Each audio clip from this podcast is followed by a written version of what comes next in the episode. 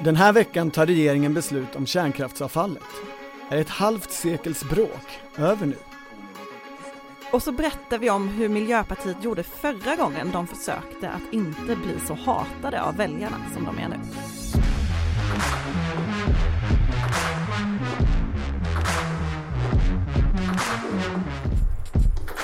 Det här är Politiken med Annie Reuterskiöld, Maggie Strömberg och Torbjörn Nilsson. Maggie, imorgon torsdag så väntas regeringen fatta ett beslut om slutförvar av kärnkraft. Ja, detta har ju Annika Strandhäll meddelat att hon ska göra. Och det här är alltså ett beslut som är tillkommet av en utredning som startade 1972 AKA-utredningen kallad. Det är lång beredning. Det är otroligt lång beredning. Det är 50 års beredning, ett halvt sekel har man mm. hållit på med det här. Det är ju väldigt spännande då vad det kommer för beslut imorgon. Det kan väl rent, det kan väl bli ett icke-beslut. Ett eh, vi kommer inte ta beslut, beslut. Det, det kan det absolut bli och det är det finns väl ganska lite egentligen som talar för att det blir en slutpunkt i kärnkraftsfrågan eller i avfallsfrågan. Men, men just nu ser det ut som att 50 år av diskussion skulle kunna få ett avslut imorgon. Mm.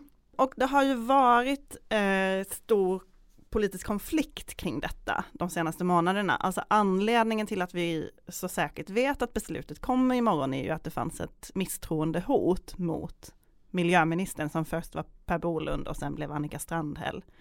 Där hon då, det kallades ju Lucia-tåget, hon var tvungen att ge besked före Lucia. Just det, hon fick ett antal timmar på sig. Ja, Oerhört veck dramatiskt. Veckor tror jag det var i och för sig, men, eh, men då eh, sa ju Annika Strandhäll att det kom, då höll hon pressträff för att säga att det kommer ett beslut. Och ja. då var datumet den 27 som det är imorgon.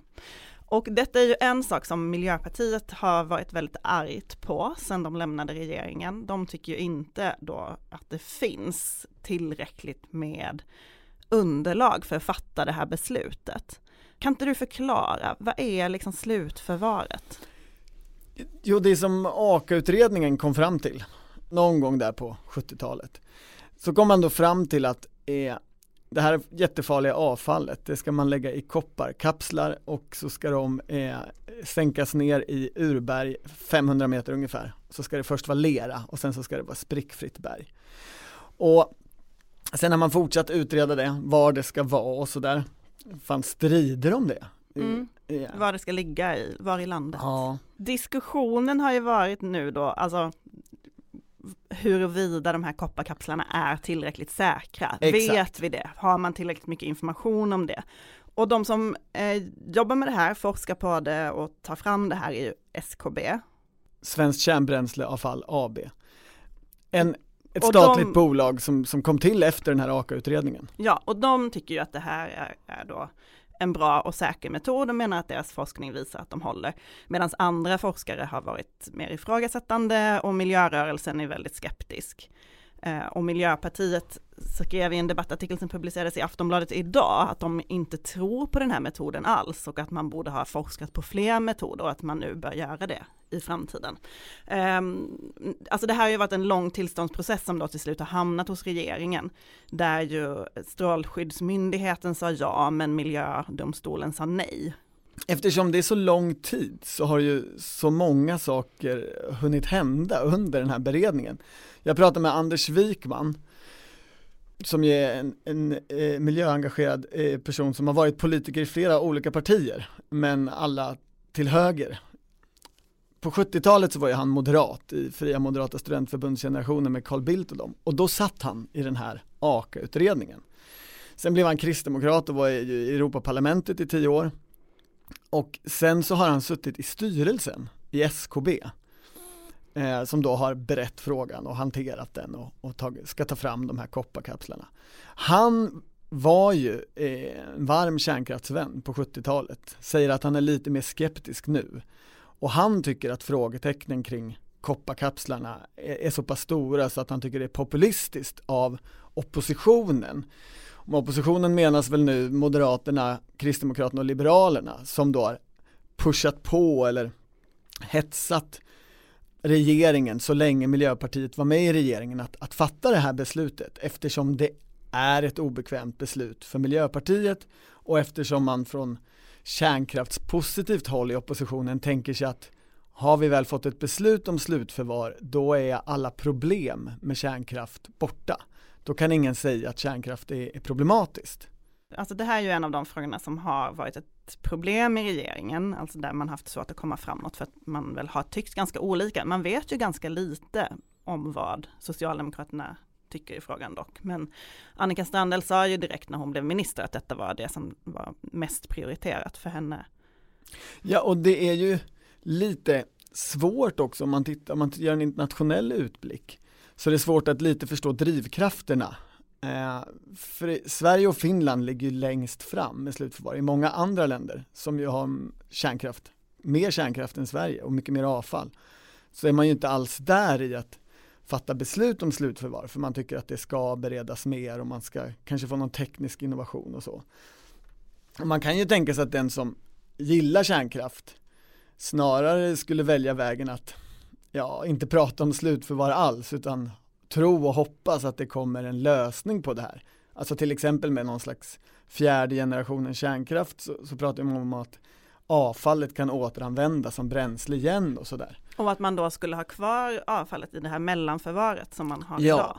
Det är ju dock de kommuner som har dem relativt skeptiskt till. Så man vill ju inte att mellanförvaret ska bli det permanenta så att säga. Nej, men det skulle ju vara en enklare position för ett kärnkraftspositivt parti som Moderaterna egentligen.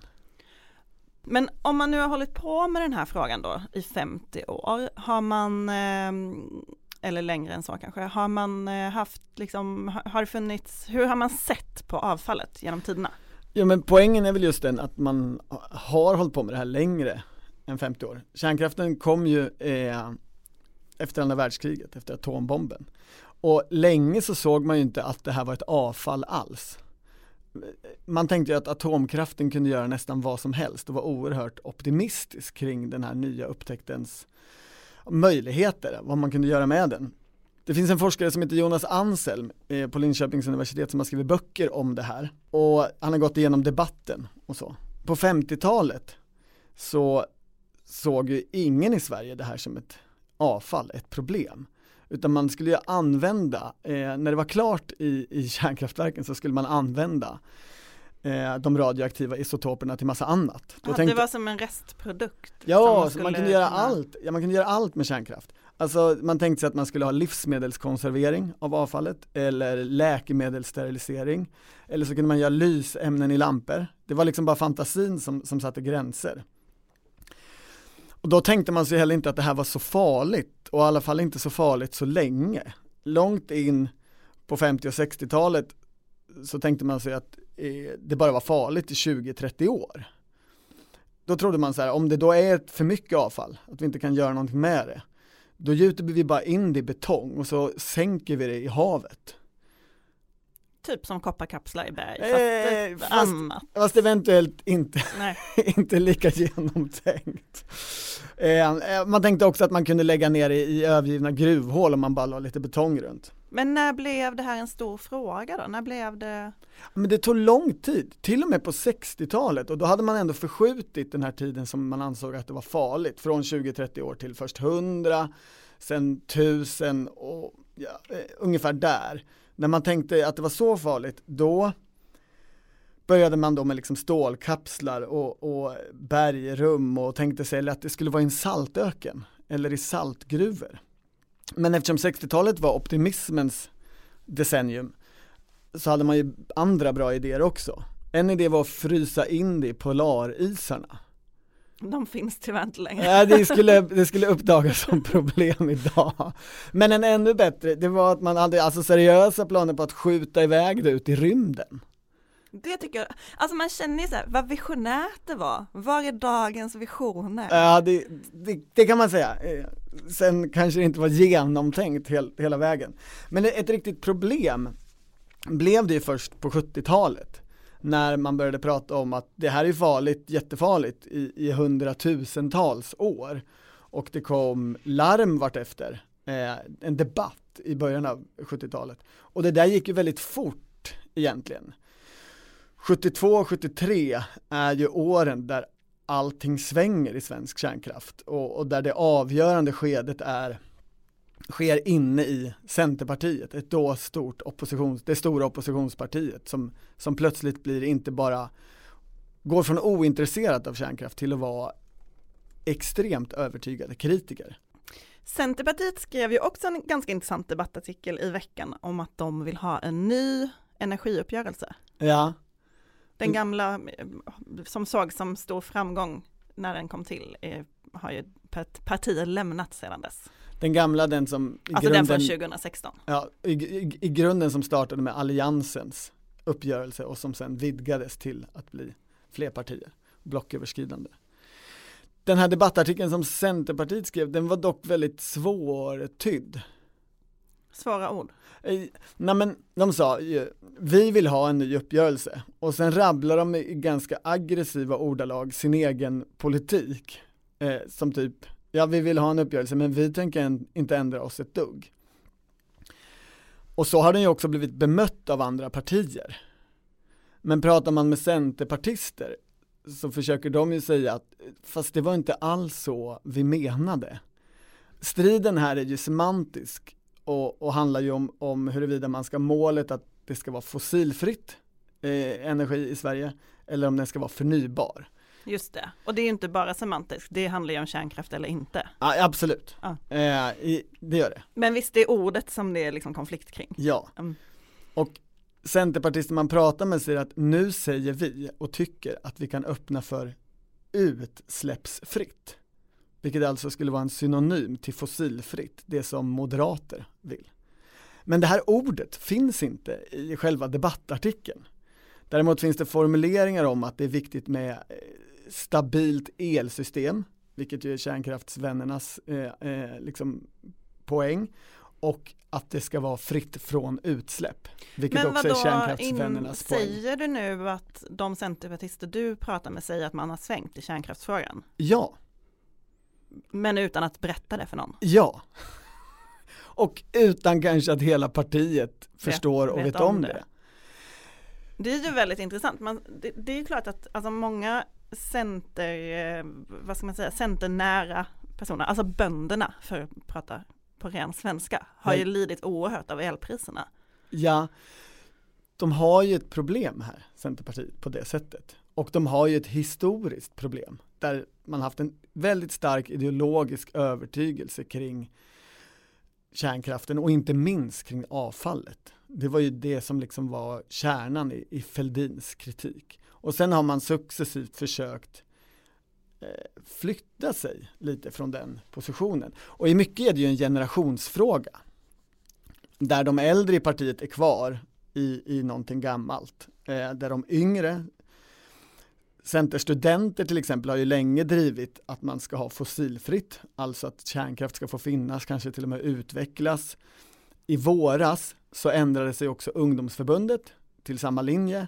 Och det man hör är att generationen kring Annie Lööf, att, att de också nog är öppna för att behålla kärnkraft och se till att kärnkraft kan renoveras och finnas kvar lång tid framöver så länge man ser till att bygga ett stabilt elsystem också på andra sätt kring det förnybara. Men det här beslutet som kommer imorgon då om själva avfallet, liksom vad kommer det få för konsekvenser? För Socialdemokraterna tänker jag främst kanske de hoppas ju att de ska vara av med frågan. Att det, oppositionen inte ska kunna klaga om detta. Det finns ju, tycker jag, där också en, en tvetydighet. Alltså Magdalena Andersson hade ju i sitt installationstal en passage där hon var väldigt hånfull mot kärnkraft och lät som att hon var helt ointresserad av det. Och samtidigt har nya energiministern uttalat sig liksom lite mer positivt eller velat det kanske handlar om att få bort konflikten, jag vet inte. Men eh, jag tycker inte att deras position är Nej, det är lite tydlig här. Det är klassisk socialdemokratisk position. Tycker allt. Två åsikter samtidigt. Kamrater, någon jävla ordning ska det vara i ett parti. Vår egen tidning Svenska Dagbladet publicerade ju en SIFO-mätning i veckan eh, där man, eh, de som svarade fick svar på frågan vilka partier skulle du acceptera i en regering? Och Moderaterna kom först, men jag tänkte att vi skulle prata om de som kom sist, för det tyckte jag var mest spännande. Det var Miljöpartiet. Eh, 28 procent av väljarna vill se Miljöpartiet i eh, regering. Det kan man ju tycka är ganska högt som en siffra betraktat. Vänsterparti, alltså Vänsterpartiet som är då tvåa från slutet har 32, så att Miljöpartiet ligger ju under får man säga. Och detta är ju ännu ett bevis på hur dåligt det går för det här partiet just nu. Det här är ju på sätt och vis ett sätt att mäta vilket parti som är det riktiga paria-partiet i svensk politik. På ett sätt. Samtidigt så, jag pratade med Erik Nilsson som har skrivit den här artikeln och han sa att även Miljöpartiets egna väljare ville hellre se Socialdemokraterna i regering än sitt eget parti. Så det kan ju också ha att göra med att man har tyckt att det varit väldigt jobbigt att sitta i regering. Ja. I sig. Mm. Men det är ju tydligt att Miljöpartiet har fått en paria-stämpel i många läger. Eh, och det tyckte jag var intressant för då påmindes jag om deras gamla strateg Magnus Johansson. Minns du honom? Peter Erikssons främste lärjunge. Ja, han var ju sammankallande i partistyrelsen och den som på många sätt informellt styrde partiet eh, på Peter Eriksson och Maria Wetterstrands tid, eller la upp strategi och inför Miljöpartiets storhetstid, om man ska kalla det för det, Ja. eh, där runt 2010, då var just det här med paria-stämpeln och att vara illa omtyckt någonting som man la väldigt mycket fokus på.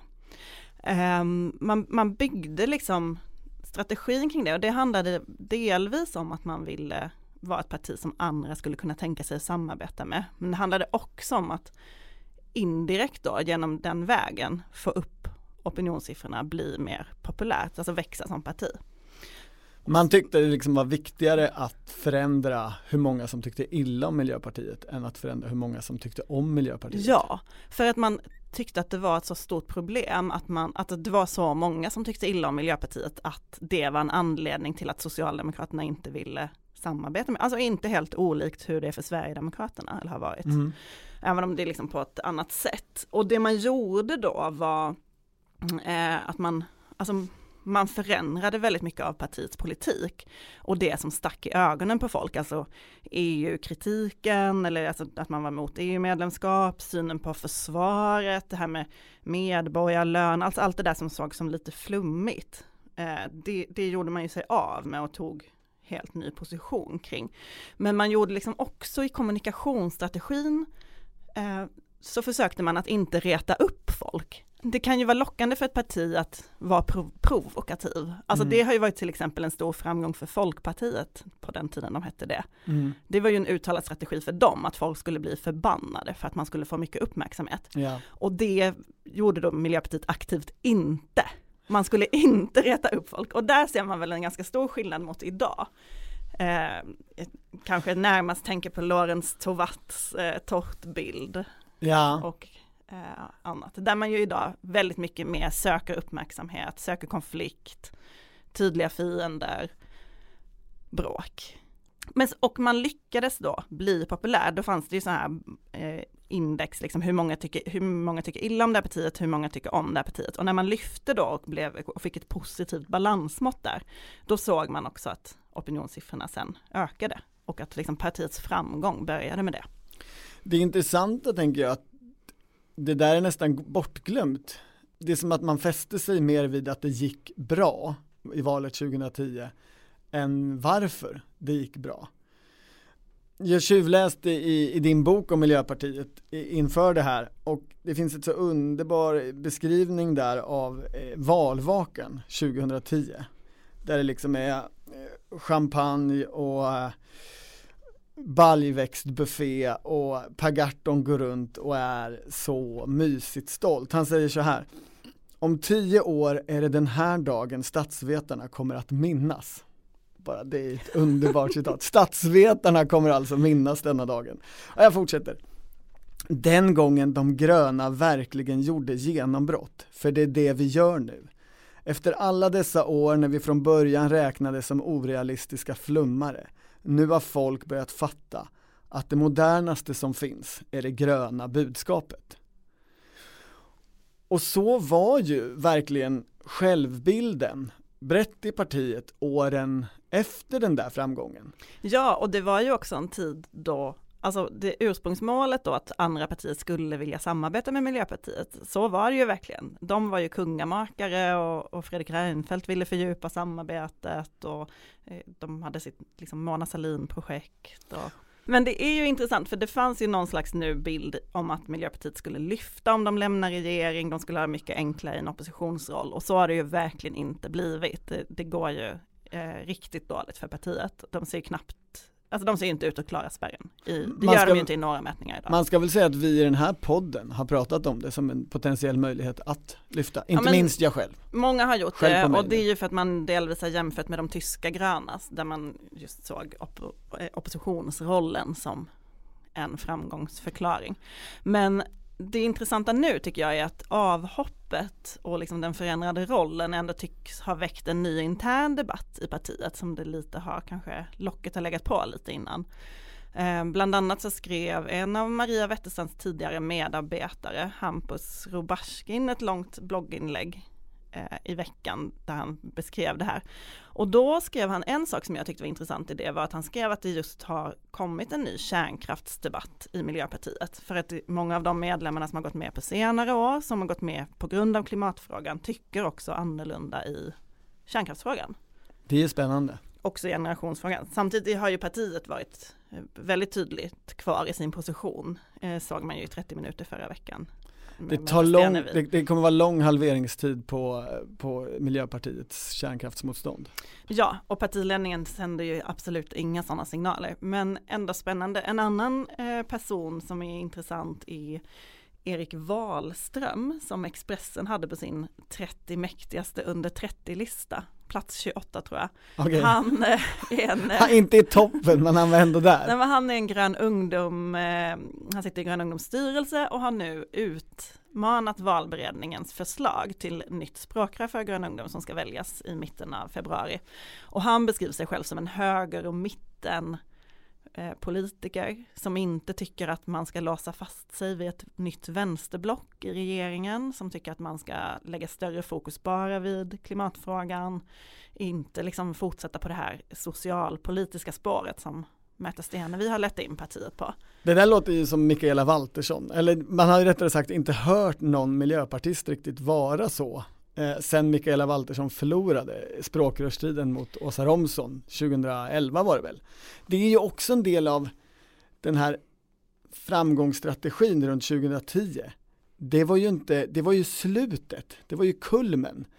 För ganska snart efter den där framgången så byttes ju språkrör och väldigt många människor runt partiledningen eh, ut och försvann. Ja, och partiet gick ju sakpolitiskt mer åt vänster under Gustaf Fridolin och Åsa Romson, så var det ju.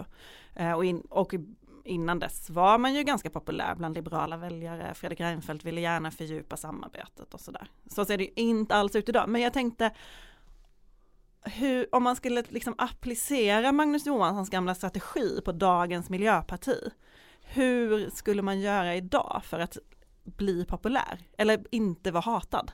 Det är ju det det handlar om. Jag tänker att det, det givna uppenbara eh, handlar om migrationspolitiken. Mm.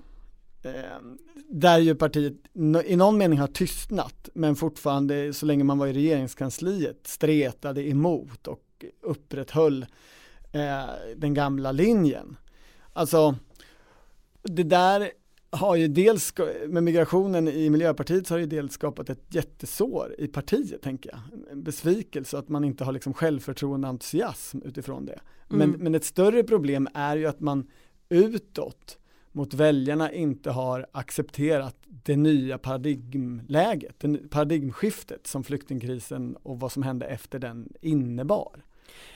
Det finns ju, alltså sen om man tittar på just Alltså tillväxtfrågan kanske inte är jättestor i partiet nu i de termerna, alltså om man tänker på en sak som Magnus Johansson och hans gäng plockade bort. Ja. Men, men däremot så är ju, har ju partiet rört sig i en mer radikal riktning i eh, alltså skogspolitiken till exempel, Mm. eller i, i miljöfrågor. Dessutom så har ju då deras mer radikala hållning när det gäller kärnkraft till exempel, när det gäller gruvor, den har ju blivit synlig i regeringskansliet där de har just, och särskilt sen de lämnade, det där säger de ju själva är en positiv sak att eh, nu när vi lämnar så vet alla liksom, då kommer de se skillnaden på oss och Socialdemokraterna, då kommer de se vad vi faktiskt gjorde för skillnad och ville göra i de här frågorna.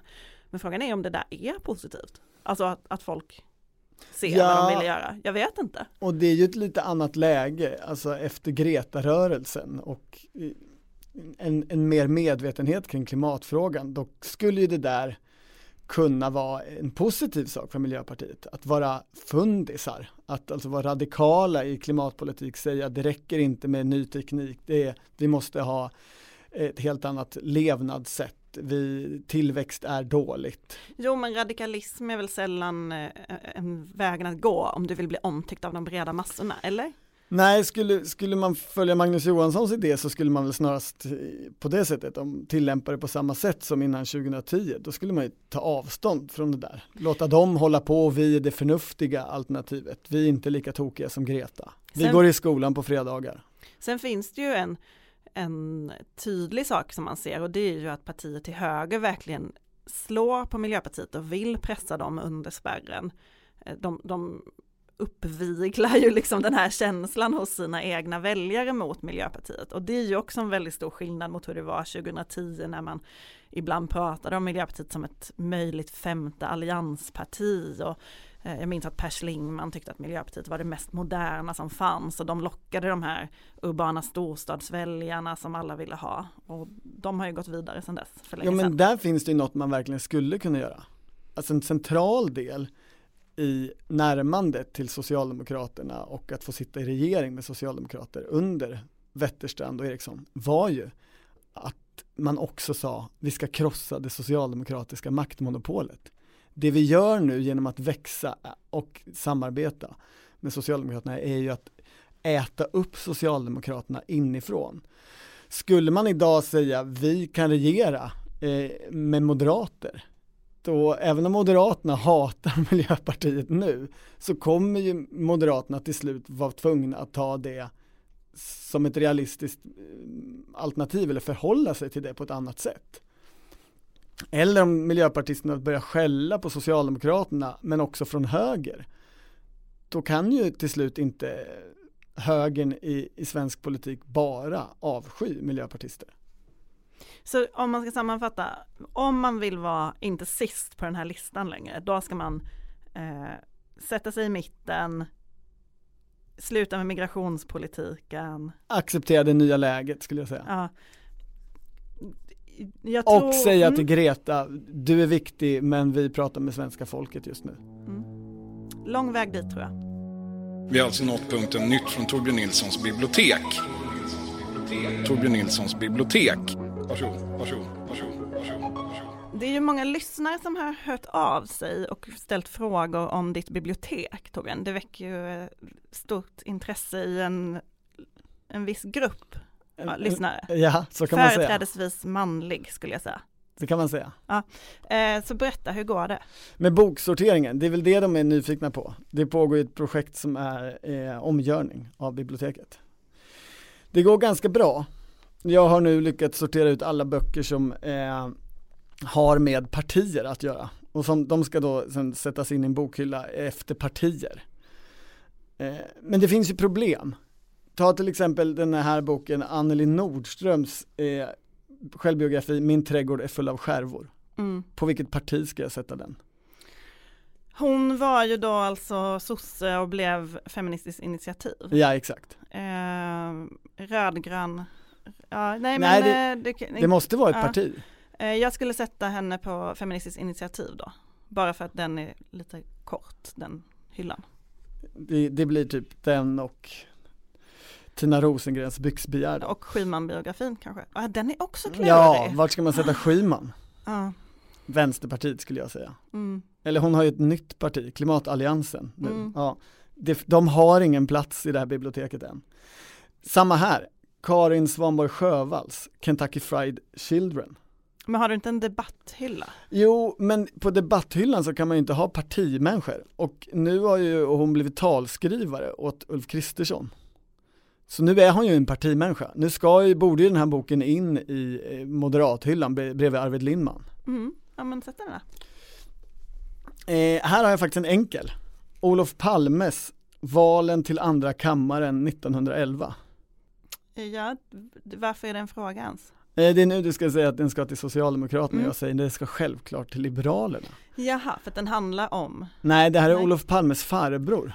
okej. Eh, eh, som också hette Olof Palme och ju var liberal, Mhm. eh, riksdagsledamot. Eh, och det här är, jag vill bara jag tog med den för att det, det, valen till andra kammaren är alltså en tidig vallokalsundersökning eller SOM-undersökning. Det är resultaten. Eh, man går igenom, han går igenom distrikt för distrikt, hur det gick, vilka kandidater som fanns, hur det gick i förra valet. En mycket tidig valanalysberättelse. Eh, den är inte så tjock, utgiven på Norstedt, så kostade 2 kronor och 25 öre eh, ursprungligen. Jag betalade mer. Eh, det riktigt svåra är ju dock, när man väl har lagt in böckerna parti för parti, är ju hur ska partierna placeras på själva hyllan? Mm. Är ju hyllplan, liksom. och ett, efter, så småningom så tar ju ett parti slut. Vilket annat parti ska få stå bredvid? Aha, i vilken ordning? Partiet. Ja, exakt. Ja. Du, För partier hör ju ihop på något sätt Mm. och inte. du kör inte liksom, det är så här, ska det vara galtanskala eller höger-vänster-skala, är det det du tänker? Till, precis. Mm.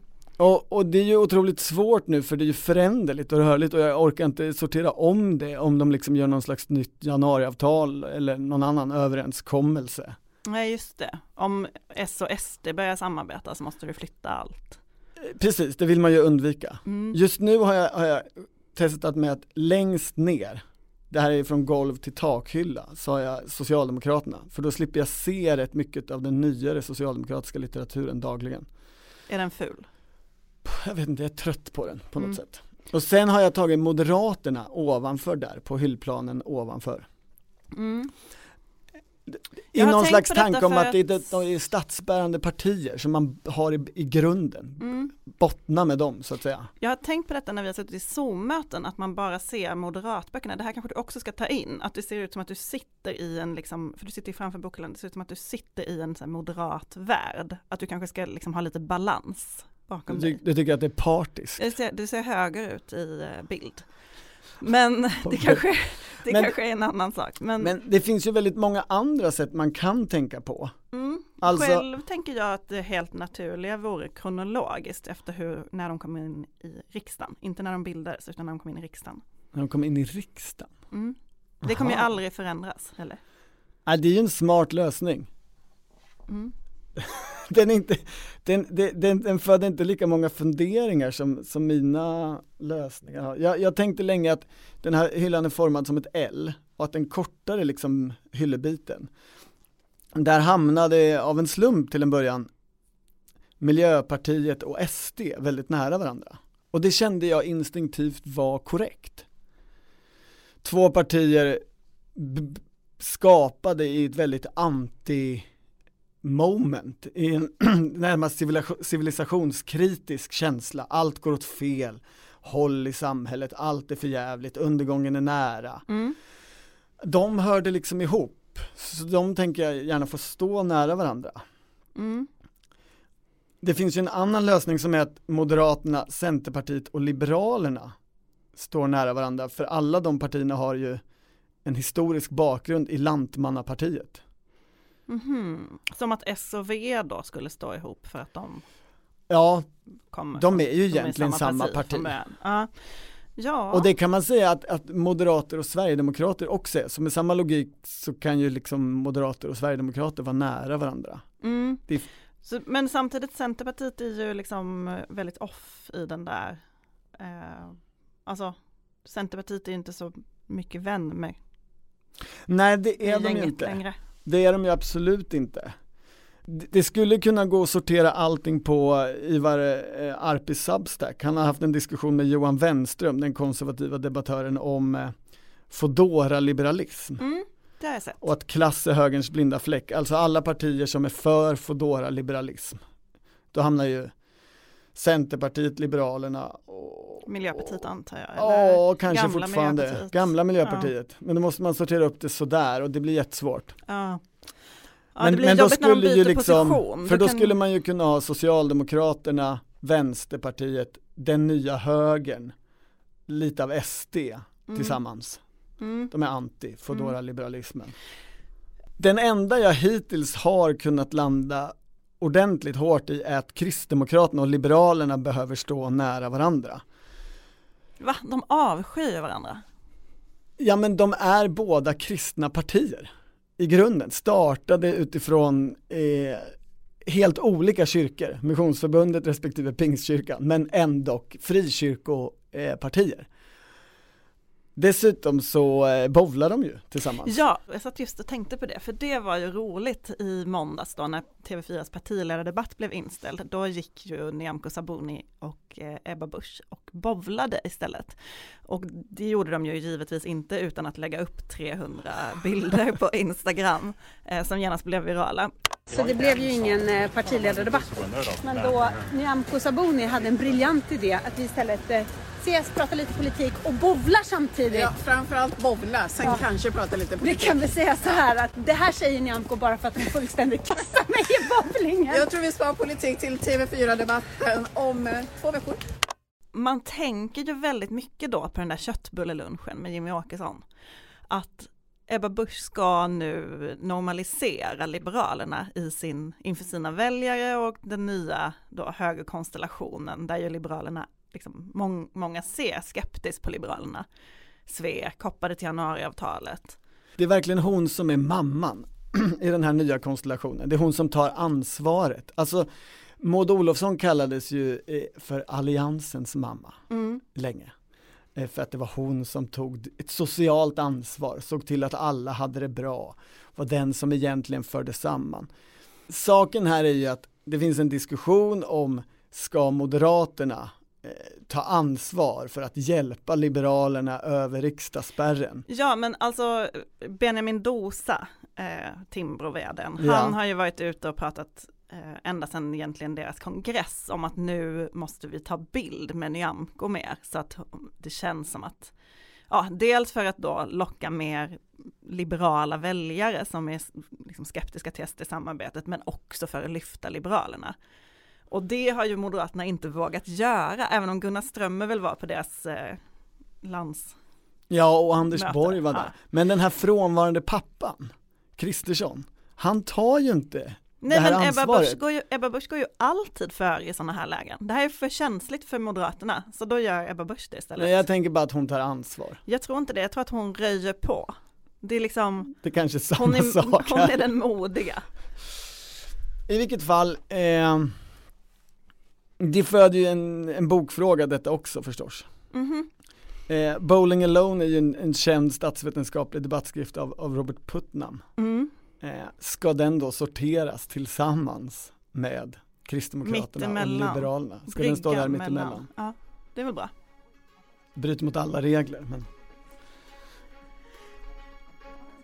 Ja, det här programmet är slut för idag. Hoppas ni har lyssnat ända hit. Vi är tillbaka nästa vecka.